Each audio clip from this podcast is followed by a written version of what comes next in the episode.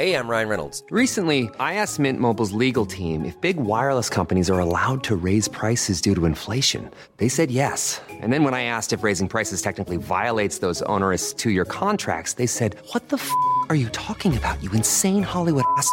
So to recap, we're cutting the price of Mint Unlimited from $30 a month to just $15 a month. Give it a try at mintmobile.com slash switch. $45 upfront for three months plus taxes and fees. Promo rate for new customers for limited time. Unlimited more than 40 gigabytes per month. Slows. Full terms at mintmobile.com.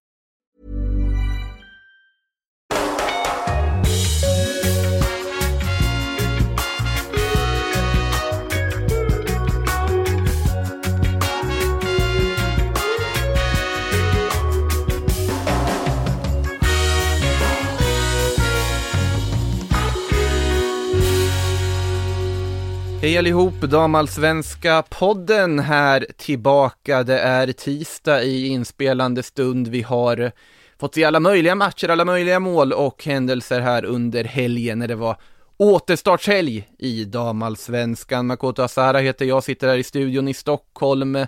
Anna Rydén med mig från, vad är det, en källare hos dina svärföräldrar, eller vad var det du sa? Jajamän, här sitter jag och myser. Du hittade en wifi-kod till slut. Ja, det, det, tog lite tid, men till slut så lyckades vi hitta wifi-koden, så jag hoppas att jag ska höras eh, hyfsat. Någonstans i Småland gissar jag att du är, i alla fall. Det är helt korrekt, i de småländska skogarna mig, gör mig.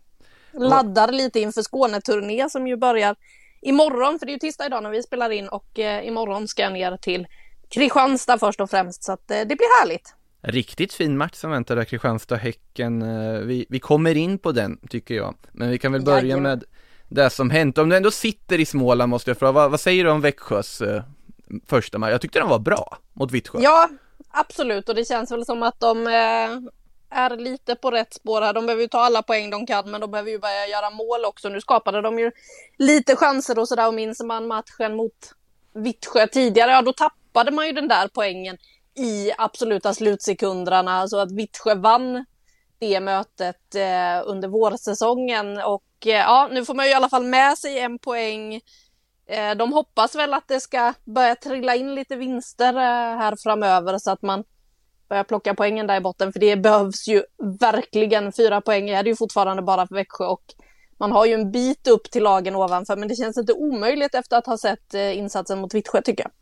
Nej, sen är det bara att Adelina Engman måste börja sätta frilägena. Men alltså bara att hon tar sig till frilägena, det är ju ett liksom lyft i sig för dem på något sätt. Hennes och Så är det Kem- verkligen. hennes och Kempis samarbete där framme som båda väldigt gott för fortsättningen. Men, ja, avståndet börjar ju öka och det har att göra med att det är andra lag som tar poäng där nere. Jag tänker ju såklart på AIK bland annat. Eh, Ska vi börja där? Kanske i Vi Stockholm. kan väl göra det med Djurgårdens derbyspöke som inte verkar finnas bara på herrsidan. Det har det pratats om i flera år. Damsidan verkar ju inte heller så lyckade i derby. När man klev in mot Hammarby hade man ju en superstatistik i våras. Hade knappt förlorat ett derby mot Hammarby och så Ja, nu har man dubbla förluster mot AIK också. Det måste svida enormt för Djurgården. Ja, det har ju gett effekter också. Vi ska gå igenom de effekterna. Jag vet att du har lite du vill säga där, Anna.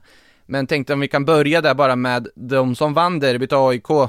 Eh, har ju sett de två matcher nu, de tjuvstartade ju som sagt mot Kristianstad här förra helgen, eftersom att Kristianstad spelar CL. Och eh, sen då mot Djurgården. Och det, någonting som slagit mig där, att alltså deras försvarsspel, att de har verkligen jobbat på det under sommaruppehållet. Hanna Davison är ju typ en helt annan spelare. Alltså Ja, då var hon ju ändå en av dem som var bra under Ja, säsongen också. Ja, ja, ja. Men alltså det sättet hon har dominerat försvaret i de här två matcherna. Alltså Djurgården hade ju ingenting att sätta emot det här försvaret när, när hon stod där i mitten. Jag frågade eh, tränare Maju Ruotsalainen därefter, liksom vad har hänt med Hanna Davison? Och Maju säger bara, ja hon är galen liksom. Hon vill ju bara vinna. Hon, hon står där bara och är galen och vill vinna hela tiden och det, det syns ju verkligen. Och, otroligt starkt att ta den här trean, Linda Hallin som fixar en straff i det första derbyt och som blir matchavgörande där. Den här gången så står hon på rätt plats vid rätt tidpunkt, men bara föser bollen vidare som hon sa själv där Sara Nordin försöker liksom rikta mot mål och så kommer bollen där och så bara föser hon vidare den förbi Doherty och in i, in i nät. Så AIK nu alltså upp sex poäng före Växjö där i den där bottenstriden, så att otroligt viktiga poäng för dem, särskilt med målskillnaden i åtanke också. Eh, och det ser ju ljusare ut, så Rosa Kafaji tyckte jag var strålande i den här matchen också, liksom verkligen anammat det här pressspelet, det liksom hårda jobb hon måste göra på topp i tanke på hur AIK spelar, ligger på hela tiden och sen det här Caroline Murray-projektet, att ha henne på topp, det kanske inte är någonting de kommer jobba med på lång sikt, men samtidigt, du behöver ju spelare som kan spela lite överallt och är nyttiga på så sätt också. Murray tog ju sina löpmeter utan tvekan i den här matchen. Ja, det får man väl säga. Med det sagt, Djurgården, de Ja. har ju, ja, i princip direkt efter då den här derbyförlusten, den första matchen efter återstarten, Djurgården hade alltså fem matcher utan förlust innan sommaruppehållet, inleder då efter sommaruppehållet med att förlora derbyt mot AIK, två dagar senare, officiellt, Pierre Fondin får lämna sitt uppdrag. Vad, hur reagerade du när den nyheten kom? Först och främst så tänkte jag på Kristoffer Bergström som har pratat om det här sen typ omgång tre. Eh, att det har varit på gång, att det har bubblat, att de inte fick det att funka. Och Djurgården har ju varit ett lag som liksom två år i rad har klarat sig kvar med nöd och näppe i serien som fick en tuff start. Men sen kom man in på det här efter att man ändrat fembackslinjen började plocka poäng och som du sa, ja, man hade ju de där, den där fina sviten innan sommaruppehållet. Men att det sen då är en derbyförlust direkt efter uppehållet som gör att Fondin får gå. Det tycker jag ju är lite märklig timing. Hade man gjort det här innan uppehållet, ja men då hade en ny tränare haft det här uppehållet på sig.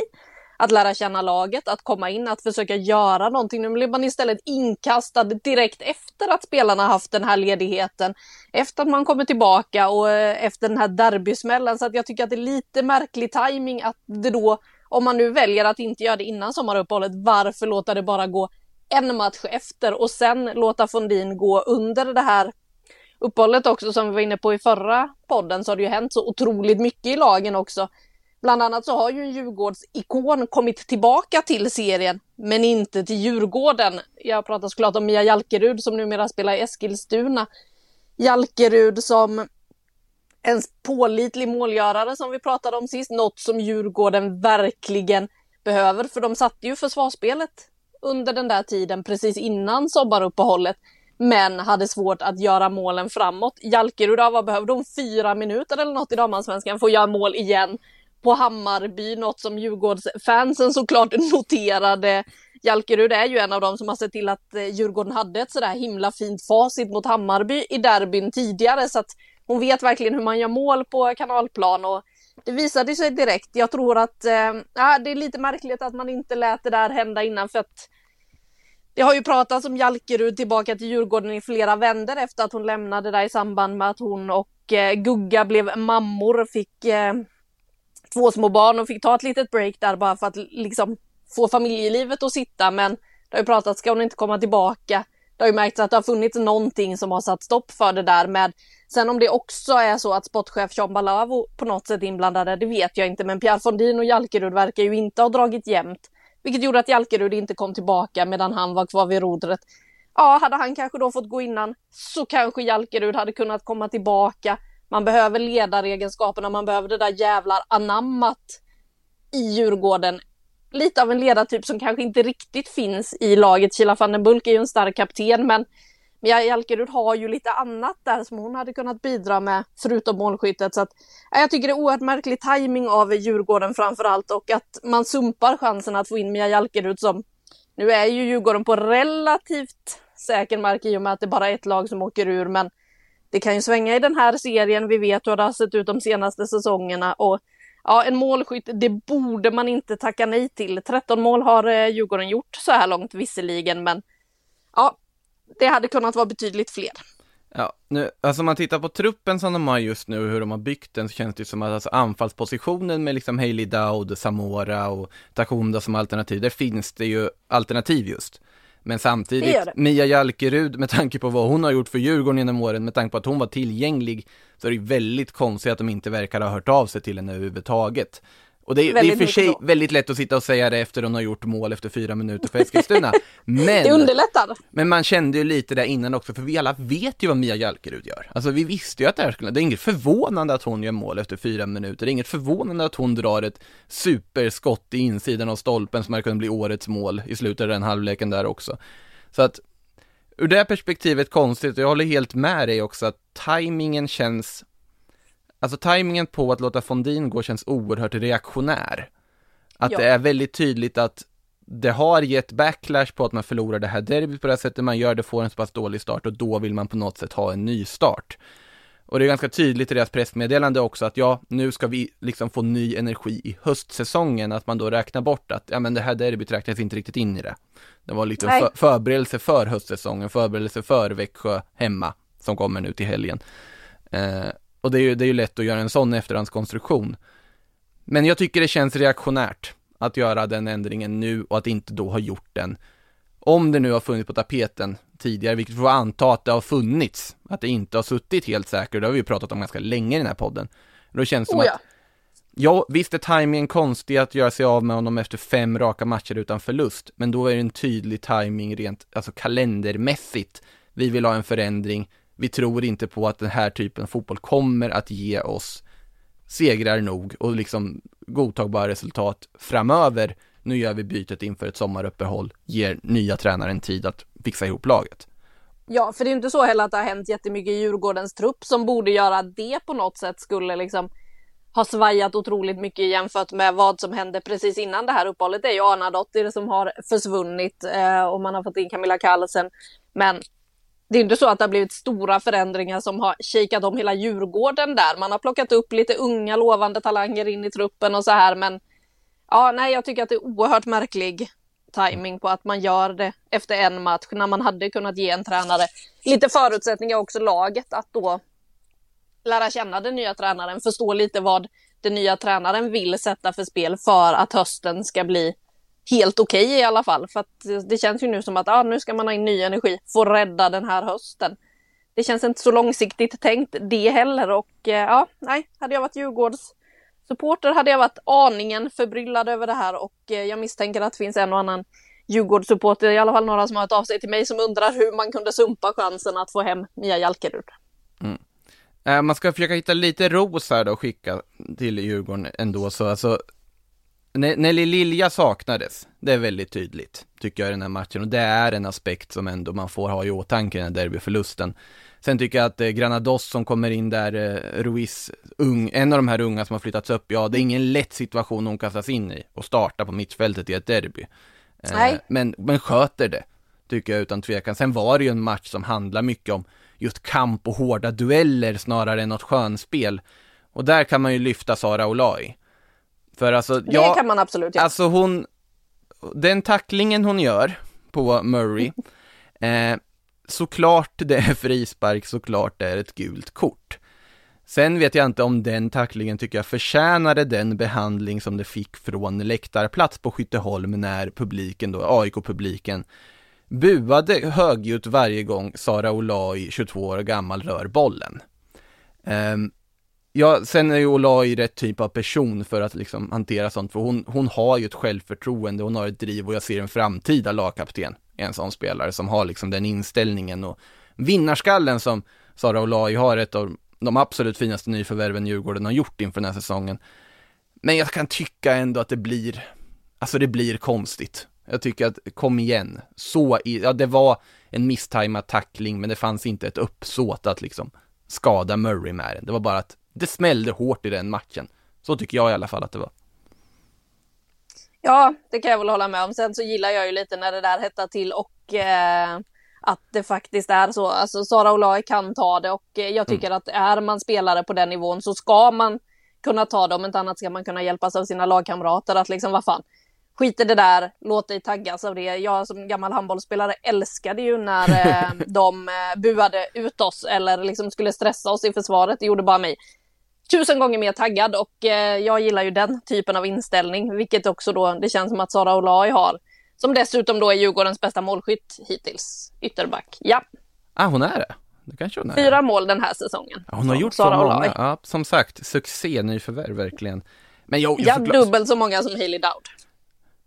Ja, det, det, nu har ju Daud varit skadad mycket också, men Absolut. Ja, nej det är imponerande och jag håller ju i och för sig med dig att om det är någon som kan ta det så är det ju Sara Olai med det självförtroendet och inställningen liksom. Och det sa hon ju efter också att det skiter väl jag i liksom. Ja, Eh, och man vill ju ha in lite mer det där, alltså Ja. just stämningen runt om, lite mer kampmomenten. Mm. Man vill att det ska finnas lite mer av det där även runt den här serien, så att jag tycker det är oerhört härligt att vi nu har publik tillbaka på de här derbyna, för det har man ju, kände man ju att man saknade lite under derbyna under vårsäsongen, när det inte fick komma in publik på samma sätt. Eh, det tycker jag är superhärligt med den här hösten, att vi faktiskt kommer att få höra av publiken. Sen ska de givetvis inte hålla på med saker som är, är rent oschysst. Men har man gått in och gett en tackling, ja men då får man kanske vara beredd på att publiken kommer att låta, precis som man förhoppningsvis blir påhejad av sina egna hemmafans när man spelar hemma. Så ja, Det, det ligger något i det, absolut.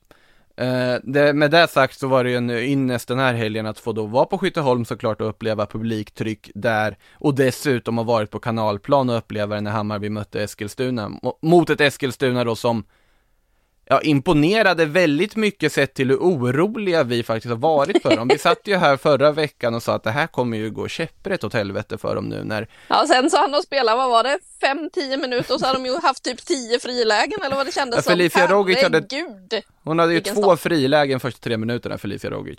Ja, Var för övrigt strå, helt strålande den här matchen också, eh, tillsammans med Jalkerud på topp där. Eh, och sen då Jalkerud, 1-0 efter fyra minuter, mindre än kvarten senare så är hon riktigt bra i pressspelet, vinner boll mot ett Hammarby-försvar som jag inte riktigt vet vad de höll på med under den första halvleken. Det var otroligt, mycket slarv, mycket, alltså feltajmade passningar, det var ju ingenting som fungerade på det sättet vi har sett Hammarby spela tidigare. Och sen då Rogic som slår till med 2-0, Jalkerud nära 3-0 och det kändes som att 3-0 var nära i den här halvleken och Hammarbyspelarna var ju helt också så här, det här är under all kritik som Emilia Larsson sa efter matchen, det får inte se ut som det gjorde i första halvlek. Och då undrar man, det, då undrar man ju hur beroende är det här laget av Madeleine Janogy? För Madeleine ja Janogy... det Fan, blir man ju lite orolig för. Nej, exakt. Hon skadade ju sig, vilket en del missade lite eftersom hon inte var med. Och, alltså hon fick ju spela den där matchen mot Nya Zeeland när Peter Gerhardsson lät alla spela i princip. Han ville att alla skulle känna sig delaktiga och kände att det här är ett lag som vi ställer på benen och ändå kan vinna matchen, vilket man ju också gjorde. Madeleine Janogy gjorde mål i den där matchen, men i övrigt satt hon ju väldigt mycket på bänken, vilket gör att en del missade att hon faktiskt satt på läktaren på slutet med skadekänning mm. och inte hade uppmärksammat att hon kom tillbaka till Hammarby skadad och därför saknades i eh, den här återstarten. Precis, hon tackades ju av med eh, blommor och blad där för OS-insatsen innan. Även Elise Kellon Knight gjorde det också. Som inte medverkade jättemycket för Australien men var en stämningshöjare i truppen där. Eh, men i alla fall, Eskilstuna. Som eh, vi har varit så oroliga för, att hur ska det här gå till? Hur ska de klara sig med alla dessa spelartapp? Jo, de klar- tappade ändå, de har ju inte gjort så mycket mål den här säsongen, Eskilstuna, eh, inför den här matchen. Vi ska se hur många det var. Felicia Rogic hade gjort fyra inför den här matchen. Sen hade man tappat då Fanny Andersson, gjort tre av Eskilstunas mål. Loreta Kulashi som hade gjort fyra av Eskilstunas mål. Utöver det bara Vila Barsley som hade gjort mål också. Så att man kan ju känna att oron var befogad inför. Man har tappat otroligt mycket av de där poänggörarna. Men eh, ja, så har man ju fått in Mia Jalkerud och Felicia Rogic som springer som en dåre. Herregud, hon har vilat under sommaren, det syntes. Äh, Man märktes också hur glad hon var att vara tillbaka på en fotbollsplan. Alltså hon strålade ju som en sol verkligen där i mixade zonen efter. Helt överlycklig att spela fotboll bara och tyckte det var så fruktansvärt roligt. Och dessutom tyckte hon det var jättekul att komma till just kanalplan och göra mål, sa hon ju också. Eh, men det där du nämnde om Eskilstunas målskytte är intressant. Om man tittar på res- resultatrad om man tar från liksom början av juni, om man tar juni och framåt, så förlorar de ju mot Djurgården med 1-0. Efter det så är det bara segrar. 1-0, 2-0, 2-0, 1-0, 1-0, 2-0. Alltså, det försvaret har vi också pratat allt för lite om. Hur Matilda Absolut. Plan, 23 år gammal med kaptensbindel på armen, leder det laget och styr det försvaret. Otroligt underskattad spelare. Och Ja, hon är ju en av dem som de faktiskt har fått eh, behålla och som eh, man kanske borde noterat inför att eh, försvarsgeneralen, lagkaptenen, finns kvar där bak. Mm. Och sen då att ja, de har tappat Nildén och Fanny Andersson, absolut. Men sen så här Stenevik, Oskarsson, det är inga dåliga ytterbackar. De har råd att ha Emma Östlund på bänken från början i den här matchen som var en av liksom de mer framstående mittbackarna förra säsongen i serien och mer lovande spelarna. Alltså Linn Vickius, 21 år, kommer in på mittfältet och ser helt självklar ut i sin roll där, centralt tillsammans med en annan 21-åring i Nora Eckhoff. Och så en Saving dessutom, 19 år gammal. Alltså det, det är så otroligt mycket talang och liksom framtidspotential kvar i det här laget som nu också dessutom får spela, får förtroendet. Och det är bara att liksom lyfta på hatten för det de gör, för just nu är ju Eskilstuna, ja, tabellen ljuger ju inte. Och Eskilstuna är en kandidat för att kunna kämpa om den där tredjeplatsen och en CL-plats. ja, det är ju det de, de ligger på just eh, i detta nu med sina 22 poäng. En poäng mer då än Hammarby och Kristianstad som jagar närmast där bakom. Och apropå Lindvikius så blev jag otroligt glad av att se henne i den här matchen. Just för som du säger, hon kände så självklar igen. Vi pratade en hel del om henne inför förra säsongen. Där vi trodde att hon kanske skulle få lite av ett genombrott. Eh, men fick inte till det då i fjol.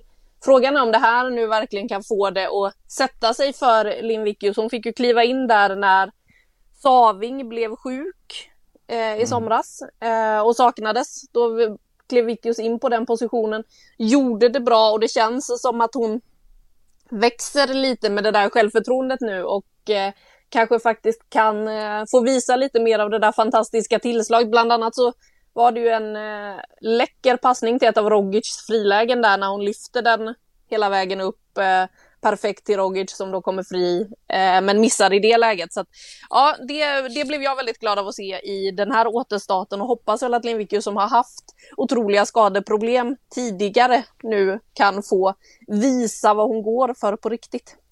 Eh, och man kan ju säga så här också att ett försvar funkar ju väldigt bra om det slutar med att ett Hammarby som, som vi har hyllat så mycket under den här våren, att när deras kvitteringsanstormning till stor del handlar om att slå långt. Det var ju som Felicia Rogic sa att ja, det var en jävla massa långbollar de slog i andra halvlek, men det blev ingenting ändå, liksom höll, höll tätt. Måste också bara nämna att Linn Vickius har spelat eh, en match för IFK Norrköping den här säsongen i Elitettan, vilket jag naturligtvis stöttar på lån. Och det lyfte hon direkt i min, mina ögon också, naturligtvis, som Norrköpingsbo som man är. Och en eh, sista grej bara om Eskilstuna innan du får släppa dem helt. Nej, jag vill inte släppa Eskilstuna, jag tyckte de var helt fantastiska här nu senast, men kör du. ja, nej men man, eh, han ju nästan till och med glömma att Emma Holmgren inte längre står Ja, just det, den, den, lilla detaljen också. Ja, hon som har fått hoppa in som liksom den tredje målvakten när Hedvig Lindahl har saknats i landslaget tillsammans med Falko Mosovic. Holmgren som gjorde det bra i Uppsala i fjol, gjort det bra i Eskilstuna, men nu då fått, får testa vingarna i Lyon eh, bakom Christiane Endler, en av de stora världsmålvakterna. Ingen framöver. lätt situation hon... Eh... Nej, eh, det är inte så att eh, hon lär ta en första plats där direkt, men hon borde ju kunna få en jäkla sparring på träningarna i Lyon. Mm. det blir spännande att se hennes utveckling där, men ja, en sån målvakt med den potentialen glömde man nästan att hon faktiskt inte stod kvar mellan stolparna längre. Sen är det ju också så här att, eh, att se Lundberg i mål där, det är ju inte, det är inte något nytt direkt. Nej, det är det verkligen inte. det, det, det, har man sett. Så att det på något sätt, liksom man blir lite glad också med tanke på att de faktiskt inte har fått spela någonting den här säsongen efter att ha den trotjänaren liksom varit i klubben sedan 2012, spelat varenda säsong mer eller mindre, varit ordinarie flesta av dem och sen inte fått spela någonting när hon varit bakom Holmgren här under den här säsongen men nu får chansen och dessutom håller nollan också. Eh, otroligt kul att se ändå. Hej, jag Ryan Reynolds. At Mint Mobile, we like to do the opposite of what Big Wireless does. They charge you a lot, we charge you a little. So naturally, when they announced they'd be raising their prices due to inflation, we decided to deflate our prices due to not hating you. That's right. We're cutting the price of Mint Unlimited from $30 a month to just $15 a month. Give it a try at mintmobile.com slash switch. $45 upfront for three months plus taxes and fees. Promote for new customers for limited time. Unlimited more than 40 gigabytes per month. Slows. Full terms at mintmobile.com. Tycker jag. Ja. Eh, med det sagt, eh, det gick som sagt fort från att vi so toksågade Eskilstuna sommar till att vi sitter och hyllar dem här på alla sätt och vis. vi får väl se hur det ser ut efter nästa omgång. Vilka har de nu? Ja, de har Piteå hemma, det blir kul. Fanny Andersson kommer tillbaka till Eskilstuna direkt. Ja. No, torsken där och så är det kris igen. Det, det, det är så det går till. Nå, någonstans det också gick fort, det var ju i liksom KIF Örebros målnät i Malmö där när Rosengård eh, också på något sätt tystade, jag vet inte om någon tvivlade på dem direkt, men i alla fall tystade de som hade några farhågor om hur det skulle gå när de har bytt ut halva laget, när René Sleger ska göra sin första match som tränare. Kommer de få ihop det? Jo, det såg ganska bra ut. Eh, för att uttrycka det, det gjorde mitt.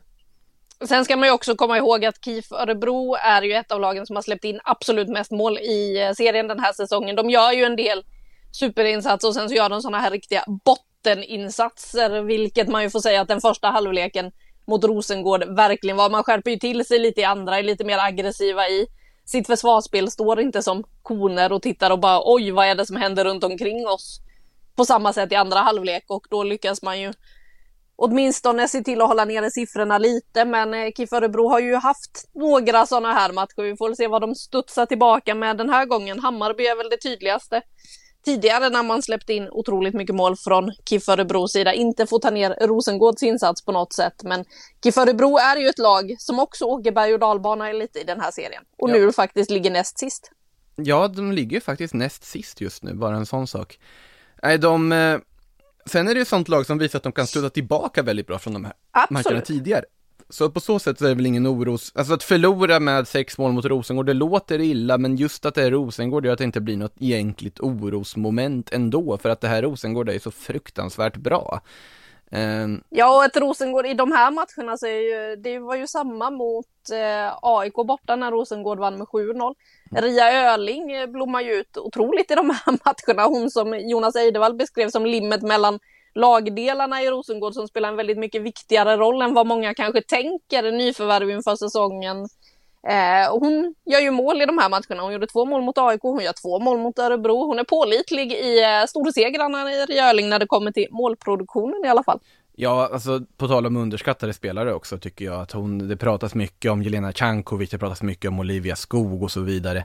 Men alltså Ria Öling är ju otroligt viktig för det här laget och väldigt snabbt klivit in i den kostymen, i Rosengårdskostymen och liksom växt i den. Eh, annars så var det ju inte mycket, de, de hade inte ändrat jättemycket sett till alla värvningar man har gjort och allt som har hänt under under sommaren. Det är ju bara två nya namn som var i den här startelvan. Då är det ju Tigen Mika, australiensiska landslagsmålvakten som då klivit in istället för en sannolikt Parisflyktad Stefanie Labé i målet. Eh, och så är det ju Gudrun Arnardottir från Djurgården som gått in istället för Glodis Perla Viggosdottir och det funkade mm. ju ganska bra där också. Nu sätter de på några direkta extrema prov i den här matchen på så sätt, men eh, och sen Caroline Seger och Olivia Skog rakt in i startelvan efter OS och bara levererar igen. Alltså, det tåls ju också att sägas att om de ändå efter den OS-besvikelsen ändå direkt nu bara några veckor senare studsar tillbaka, rakt in liksom och är helt självklara som alltid i det där Rosengårdslaget. Det, det säger ja, en del. Det gör det verkligen och eh, det känns väl lite som att eh, Caroline Seger kanske tyckte att det var ganska skönt att bara få in i vardagen på något sätt igen. Hon mm. la ju ut ett inlägg eh, på sociala medier om hur tungt det har varit efter den där OS-finalen, efter den där straffmissen som vi ju alla minns så otroligt tydligt och det är fortfarande ont att tänka på den när jag ska tänka på den så jag kan bara tänka mig hur det är mm. för Caroline Seger efter liksom så lång karriär stå vid det här tillfället, ha möjligheten att skjuta ett OS-guld till Sverige. Ja, jag tror att det kan vara lite skönt för henne att bara få komma in i vardagen, för jag har hört på lite andra håll att det spekulerats kring, kommer hon verkligen att spela för Rosengård nu? Nej, det kan hon väl inte göra, hon måste väl vila och sådär. Jag tror att det kan vara ganska skönt att bara stänga av lite, ge sig in på planen, göra det man kan allra bäst och så liksom befinna sig i den miljön så jag är inte förvånad att Caroline Seger spelade, jag är inte förvånad att Caroline Seger levererar trots att hon har ett helt OS i benen och den superbesvikelsen. Men jag tycker också man ska lyfta Bea Sprung som de ju bytte in Verkligen. då när man bytte ut Caroline Seger, född 2005, gör mål i sin allsvenska debut, har nu förlängt ytterligare med Rosengård. Det är ju kul att se de här talangerna som kliver in och bara springer och springer och springer, kämpar och så klipper till så som hon gör på det där ja, det målet som hon smäller in. Jättesnyggt avslut och liksom tekniskt svårt att göra det avslutet även om det var liksom nära mål och så vidare och ett bra läge. Så är det inte lätt att få till den volleyträffen som hon får ändå. Uh... Nej, det är hyfsad statistik och en match i damallsvenskan, ett mål. Ja, det, det räcker ja. så. Nej, men eh, alltså Bea Sprung är ju ett namn som har dykt upp tidigare. Jag vet när man pratade med uh, Olivia Skog här inför säsongen så frågade man om det var någon liksom som stack ut i laget ja. av de som hon har liksom sett. Och då hade hon ju sett Bea Sprung på träning. Och då sa hon där, vad, vad heter hon, Bea där? En ung tjej liksom, otroligt imponerad redan då var hon. Och nu, nu får vi ju, vi som också följer laget utifrån, får också se hennes kvaliteter nu när hon får chansen. Det är ju Jättekul, framförallt också symboliskt när Hanna Bennison samtidigt sitter och väntar på att presenteras för Everton på en annan plats. Att då en ny tonåring, en ny talang kliver fram och liksom får, man kanske ska kalla det genombrott på ett inhopp, men i alla fall så vis, visa upp sig för den liksom breda damallsvenska publiken för första gången. Det är häftigt och väldigt fint också. Ja, man gillar ju det, att se nya talanger kliva fram i den här serien. Det är ju lite av det som den här serien fortfarande har eh, när miljonerna kommer in på kontot. När man säljer en sån som Bennison så eh, behövs det ju också att talanger fortsätter att komma för att den svenska fotbollen ska fortsätta kunna producera. Så att, eh, det är härligt att se att det finns fler talanger där ute och att de får chansen.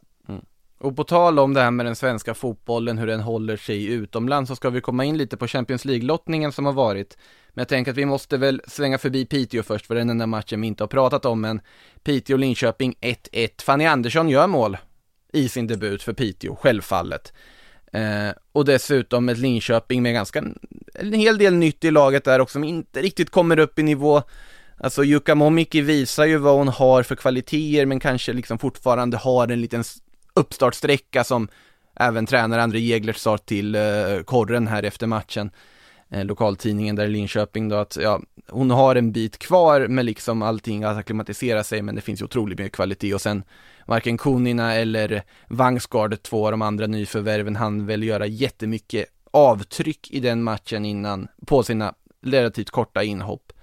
Jag vet inte vad det finns att säga riktigt om den matchen förutom att det slutade 1-1 och Piteå ändå såg ganska bra ut. Nej, det är väl det man får ta med sig att eh, Fanny Andersson får en skön start. Eh, med eh, att göra mål direkt i eh, sitt Piteå. Så att eh, ja, det är väl det vi kan ta med oss därifrån. Jag såg inte hela den matchen, utan bara sett lite höjdpunkter, så jag har inte så jättemycket mer att säga om den, tyvärr. Jag ska säga så att det är samma sak här, vet du. Det ska, ska vara transparenta med ändå.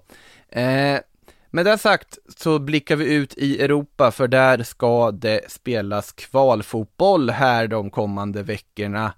Och ja, vi kan börja med att säga att Kristianstad inte ska göra det. Man besegrade ju Brönnby den där matchen som vi live, du live-rapporterade från i förra poddinspelningen. Ja.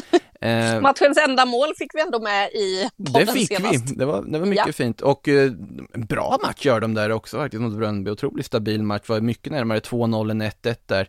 Eh, slog ju faktiskt på andra halvlek direkt efter inspelningen var slut. Men eh, Bordeaux, nej, fransk ligatrea, som liksom ligger där bakom Paris och Lyon som är två av världens bästa lag. Alltså det var ett för stort, stor utmaning helt enkelt känns det som för Kristianstad i dagsläget och det Alltså det är ju tufft med den lottningen man får men man åker ändå ut på något sätt med flaggan i topp tycker jag. Ur det ja men lite så, det är första gången Kristianstad är ute i Europa Eh, de blir lite tagna av eh, det höga bolltempot och pressspelet från Bordeaux. Även om man hade pratat om det innan att okej, okay, de kommer sätta fart.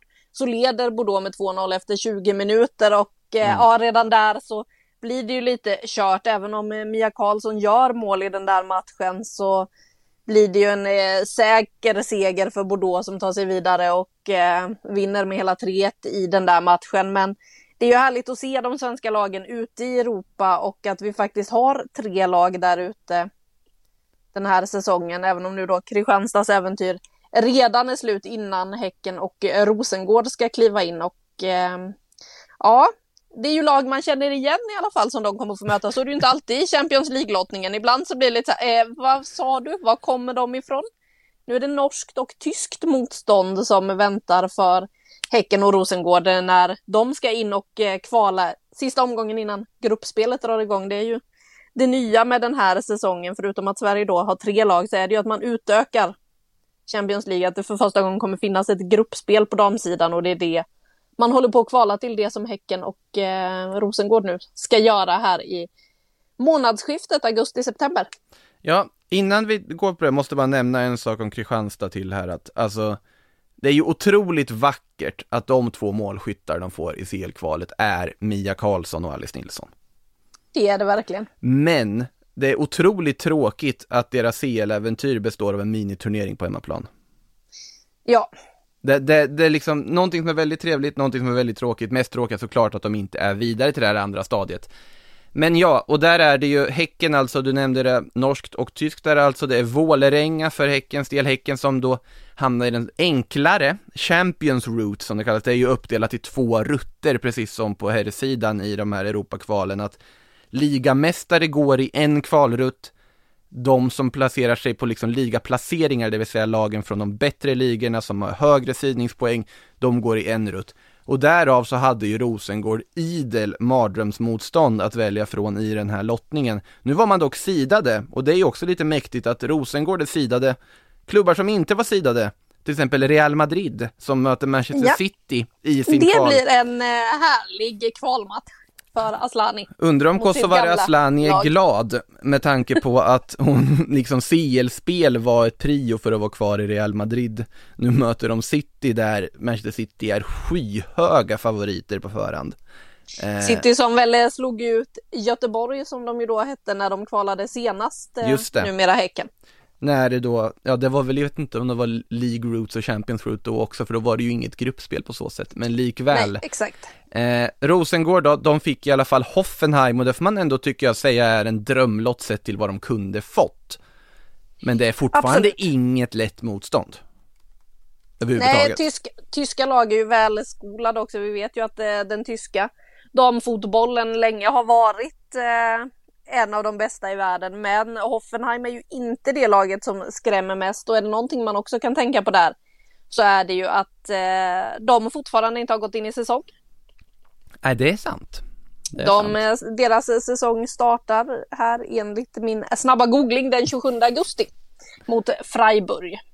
Mm. Nej, jag... Så att eh, de är ju inte igång än. Det är ju ändå Rosengård, även om man nu har haft ett litet uppehåll så är man ju faktiskt mitt i säsong, har spelarna igång och det har man ju kunnat se tidigare att det faktiskt har betalats. Det har ju varit lite problemet för de svenska klubbarna med den tidigare Champions League-kvalet som då i fjol när det låg i december efter, dels hade en del kontrakt gått ut redan, man fick lösa endagars kontrakt med Vildebö Risa och vad det var Göteborg ja, höll på med. Det, ja för att hon skulle kunna vara med och sådär. Eh, det här med 11 månaders kontrakt vi pratade om i förra podden. Mm. Men det har ju också gjort att liksom Sverige har ju varit på väg ur sin säsong medan de andra har varit på väg in i och samma sak Rosengård som då kvalade inför den här säsongen. Nu gick det ju bra, man tog sig långt, fick till slut respass mot ett oerhört starkt Bayern München i Champions League. Man var ändå ett av världens åtta bästa lag förra säsongen i Rosengård om man ser till Champions League. Så ja, det borde ju kunna vara en liten fördel för eh, Rosengård att eh, man är i säsongen när man går in mot Hoffenheim. Mm. Börjar hemma då tisdag den 31 augusti eh, 19.00 och sen är det returmötet då på onsdag 8 september för Rosengård. Alltså jag sitter ju bara här och våndas dock, mitt Spanien-hjärta gör ju ont på. Real Madrid får City, vilket är en mardrömslottning. Levante, liga trean, får Lyon. Så att det är nog bara Barcelona och Atletico i det där Champions League-spelet i slutändan ändå för att de kommer ju inte slå sig vidare från de här matcherna. Eh, det känns oerhört tufft faktiskt. Ja, det, det är inga det. roliga lottningar de har fått de spanska lagen. De tog de två mardrömslotterna mer eller mindre här, de två absolut starkaste lagen som gick att hitta i den här extremt svåra delen av kvalet. För Häckens del var det ju lite lättare motstånd som fanns att välja på. Eh, man kunde ju fått allt från liksom isländska breda blick till eh, Glasgow City. Nu vart det Vålerenga, vilket också är en bra lott för Häcken. Det är ganska bra möjlighet för dem att ta sig till gruppspel. Jag skulle säga att om de inte tar sig förbi det här steget och tar gruppspelsplatsen så är det lite av ett fiasko. Ja, Vålerenga ligger ju just nu fyra i eh, norska toppserien sju vinster så här långt, ligger bakom lag som Sandviken, Rosenborg och LSK som är de tre lagen som ligger före och ska ju inte vara ett övermäktigt motstånd. Dessutom, det är en grej som också är fördelen för de svenska lagen här är ju att man slipper de krångliga mardrömsresorna som Champions League-lottningar har kunnat mm. vara väldigt, att det mest har blivit en förlustaffär att åka iväg och kvala för att det har varit så otroligt långt bort. Det har varit massa logistik och krångel runt omkring. Nu får man två dessutom liksom ganska sköna bortaresor mot då Vålerenga för Häckens del och eh, till Hoffenheim för Rosengårds del. Så det känns ju också positivt. Men ja, nej, det ska bli intressant att se Häcken mot det här Vålerenga. Nu har ju Häcken varit väldigt tydliga med att eh, de satsar på Champions League i år när man har det läget man har, när man hittills inte har förlorat sina stora stjärnor under sommarfönstret. Mm. Eh, och borde ju kunna stå emot det här Vålerenga, det kan jag verkligen tycka. Ja. På tal om mardrömslottning var det bra då att Juventus som ändå har lite pengar var de som drog lotterna för att möta Vlasnia Skåder på bortaplan och åka till någon någon udda del av Albanien som jag inte riktigt vet exakt vart den ligger. Den slapp Häcken, kunde ha blivit ja. det istället. Det hade varit något ändå. Ja, och eh, inte så himla långt för Juventus att åka till Albanien heller. Så att Nej, det inte borde lika kosta långt. dem allt för mycket pengar kan man tycka. Går det direktflyg till Skåder från Landvetter? Det tror jag inte det gör. Eh, eh, tveksamt. Så är det. Eh, med det sagt, eh, Häcken då, just, de ska ju faktiskt som sagt spela här nu på onsdag mot Kristianstad, stor toppmöte vankas när då Kristianstad som CL-kvalade i helgen ska spela sin match i den här omgången. Eh, du ska på plats där, Anna. Ja, jag är oerhört taggad på att äh, äntligen få se fotboll live igen, höll jag på att säga. Det var inte jättelänge sedan. Vi har ju varit på ett OS och sett jättemycket fotboll live. Men, ja, senast jag såg fotboll live var alltså i Yokohama. Nu blir det Kristianstad igen. Det känns tryggt. Det känns äh, fint att få vara tillbaka på hybridgräset nere i Kristianstad och se lite hur äh, Häcken då hanterar det underlaget, det motståndet, hur Kristianstad studsar tillbaka efter de här, nu har de ju faktiskt matchat en hel del i och med att de då smygstartade sin match mot AIK som du har pratat om tidigare mm. och så mm. de här två Champions League-mötena. Man har ju haft ett ganska intensivt schema medan Häcken fortfarande inte har spelat en match sen. Eh, I alla fall inte en tävlingsmatch ska vi väl säga, man har ju träningsmatchat lite och haft sitt träningsläger i Smögen och sådär eh, laddat inför höstsäsongen men inte spelat än så att eh, Nej, det ska bli eh, spännande att se om Dilsa Sommers till exempel har eh, lyckats konservera den där formen som hon hade. Ja, herregud vilken form hon hade. Precis innan ja, uppehållet. Ja, nu är det ju också mer konkurrens där om offensiva positionen dessutom, men hon har ju liksom gjort det hon kan under vårsäsongen för att verkligen ha en plats i det här laget även till fortsättningen. Eh, ja, det blir ju lite spännande att se. Jag menar, Häcken släppte in två mål ändå mot Växjö alltså i sin träningsmatch här. Då ska väl sägas att man saknade ju både Jennifer Falk och Los Skörts eh, som har varit borta. Julia Karlenäs har klivit in som mittback i de här träningsmatcherna. Mm. Var ska hon spela nu när Emma Kullberg kommer tillbaka på innermittfältet? Det är ju otroligt, eh, otrolig konkurrens om platserna där man har Kurmark och Angeldal som har fungerat väldigt bra. Julia Sigiotti är tillbaka från sin skada så att ja, konkurrenssituationen finns i Häcken och det blir intressant att se hur Gren tänker och formerar sitt lag mot Kristianstad när det nu eh, är dags att spela damallsvensk fotboll igen. Ja, och sen ska du ha in Stine Larsen och Mille Gail Jensen i det där också, nya ja. danskorna, så att det, det är väl bra med folk i Häcken, samtidigt tror jag ändå det finns lite skrällchans här just på att Kristianstad är verkligen inne i det och spelar liksom riktigt tuffa matcher här ett tag nu. Eh, där jag tror att det finns en möjlighet för Kristianstad att norpa åt sig lite poäng här, är min spontana känsla i alla fall. Om vi blickar vidare då i det som komma skall, Rosengård går igång redan här på torsdag mot Vittsjö borta. Ja, det blir mysigt. Det är en av mina favoritplatser. Ja, just det, du ska dit också. Ja. Det, det är turné för dig ja. Ja, det är ju inte så himla långt mellan Kristianstad och Vittsjö så att säga. Så att den här chansen kan man ju inte missa. Så att jag är i Vittsjö på torsdag. Tar du svängen förbi Göteborg på lördagen där innan du är tillbaka i Stockholm också? Eh, jag var lite sugen, men eh, tyvärr, så, det, det, är ju också så att jag fortfarande har semester, ska vi säga. Så att eh, ja, nej, det blir bara två matcher den här veckan. Sen från nästa vecka så är jag tillbaka och jobbar igen. Då blir det fler, precis. Då hoppas jag det blir fler matcher. Ja. För min del blir det att eh, beskåda Djurgården med vem som nu kommer träna dem på lördag klockan ett där mot Växjö, se vad, vad de kan hitta på och sen framförallt kanske se också Växjös nykomponerande anfallspar live och se vad, se hur de fungerar. Det var ett lovande där de gjorde mot Vittsjö senast så det blir spännande att se om de kan bräcka det här Djurgårdsförsvaret där som ändå Ja, det är också en aspekt om jag ska hoppa tillbaka dit att just, de har ju så inpräntade i den här 5-3-2an nu också. Mm. Det ska bli intressant att se om den kommer att vara kvar eller om det finns en annan mer spelande Djurgården på ett annat sätt i när de nu ska möta Växjö här på lördag. Det ska bli väldigt spännande att se.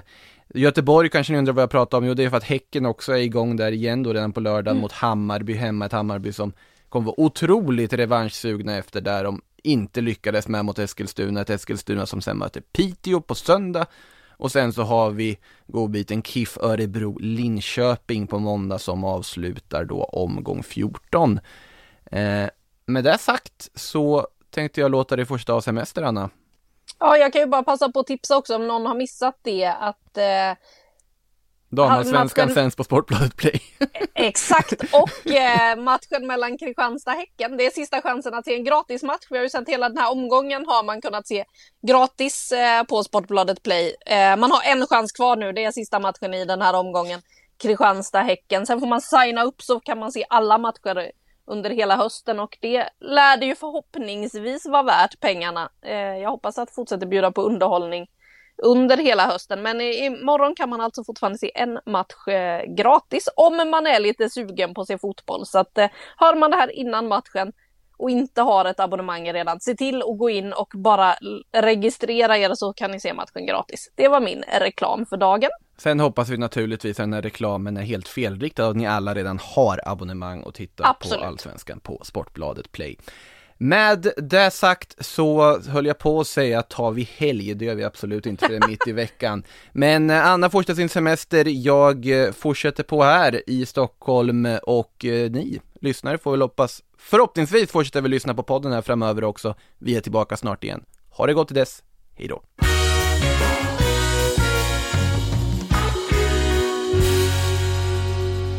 Du har lyssnat på en podcast från Aftonbladet. Ansvarig utgivare är Lena K Samuelsson.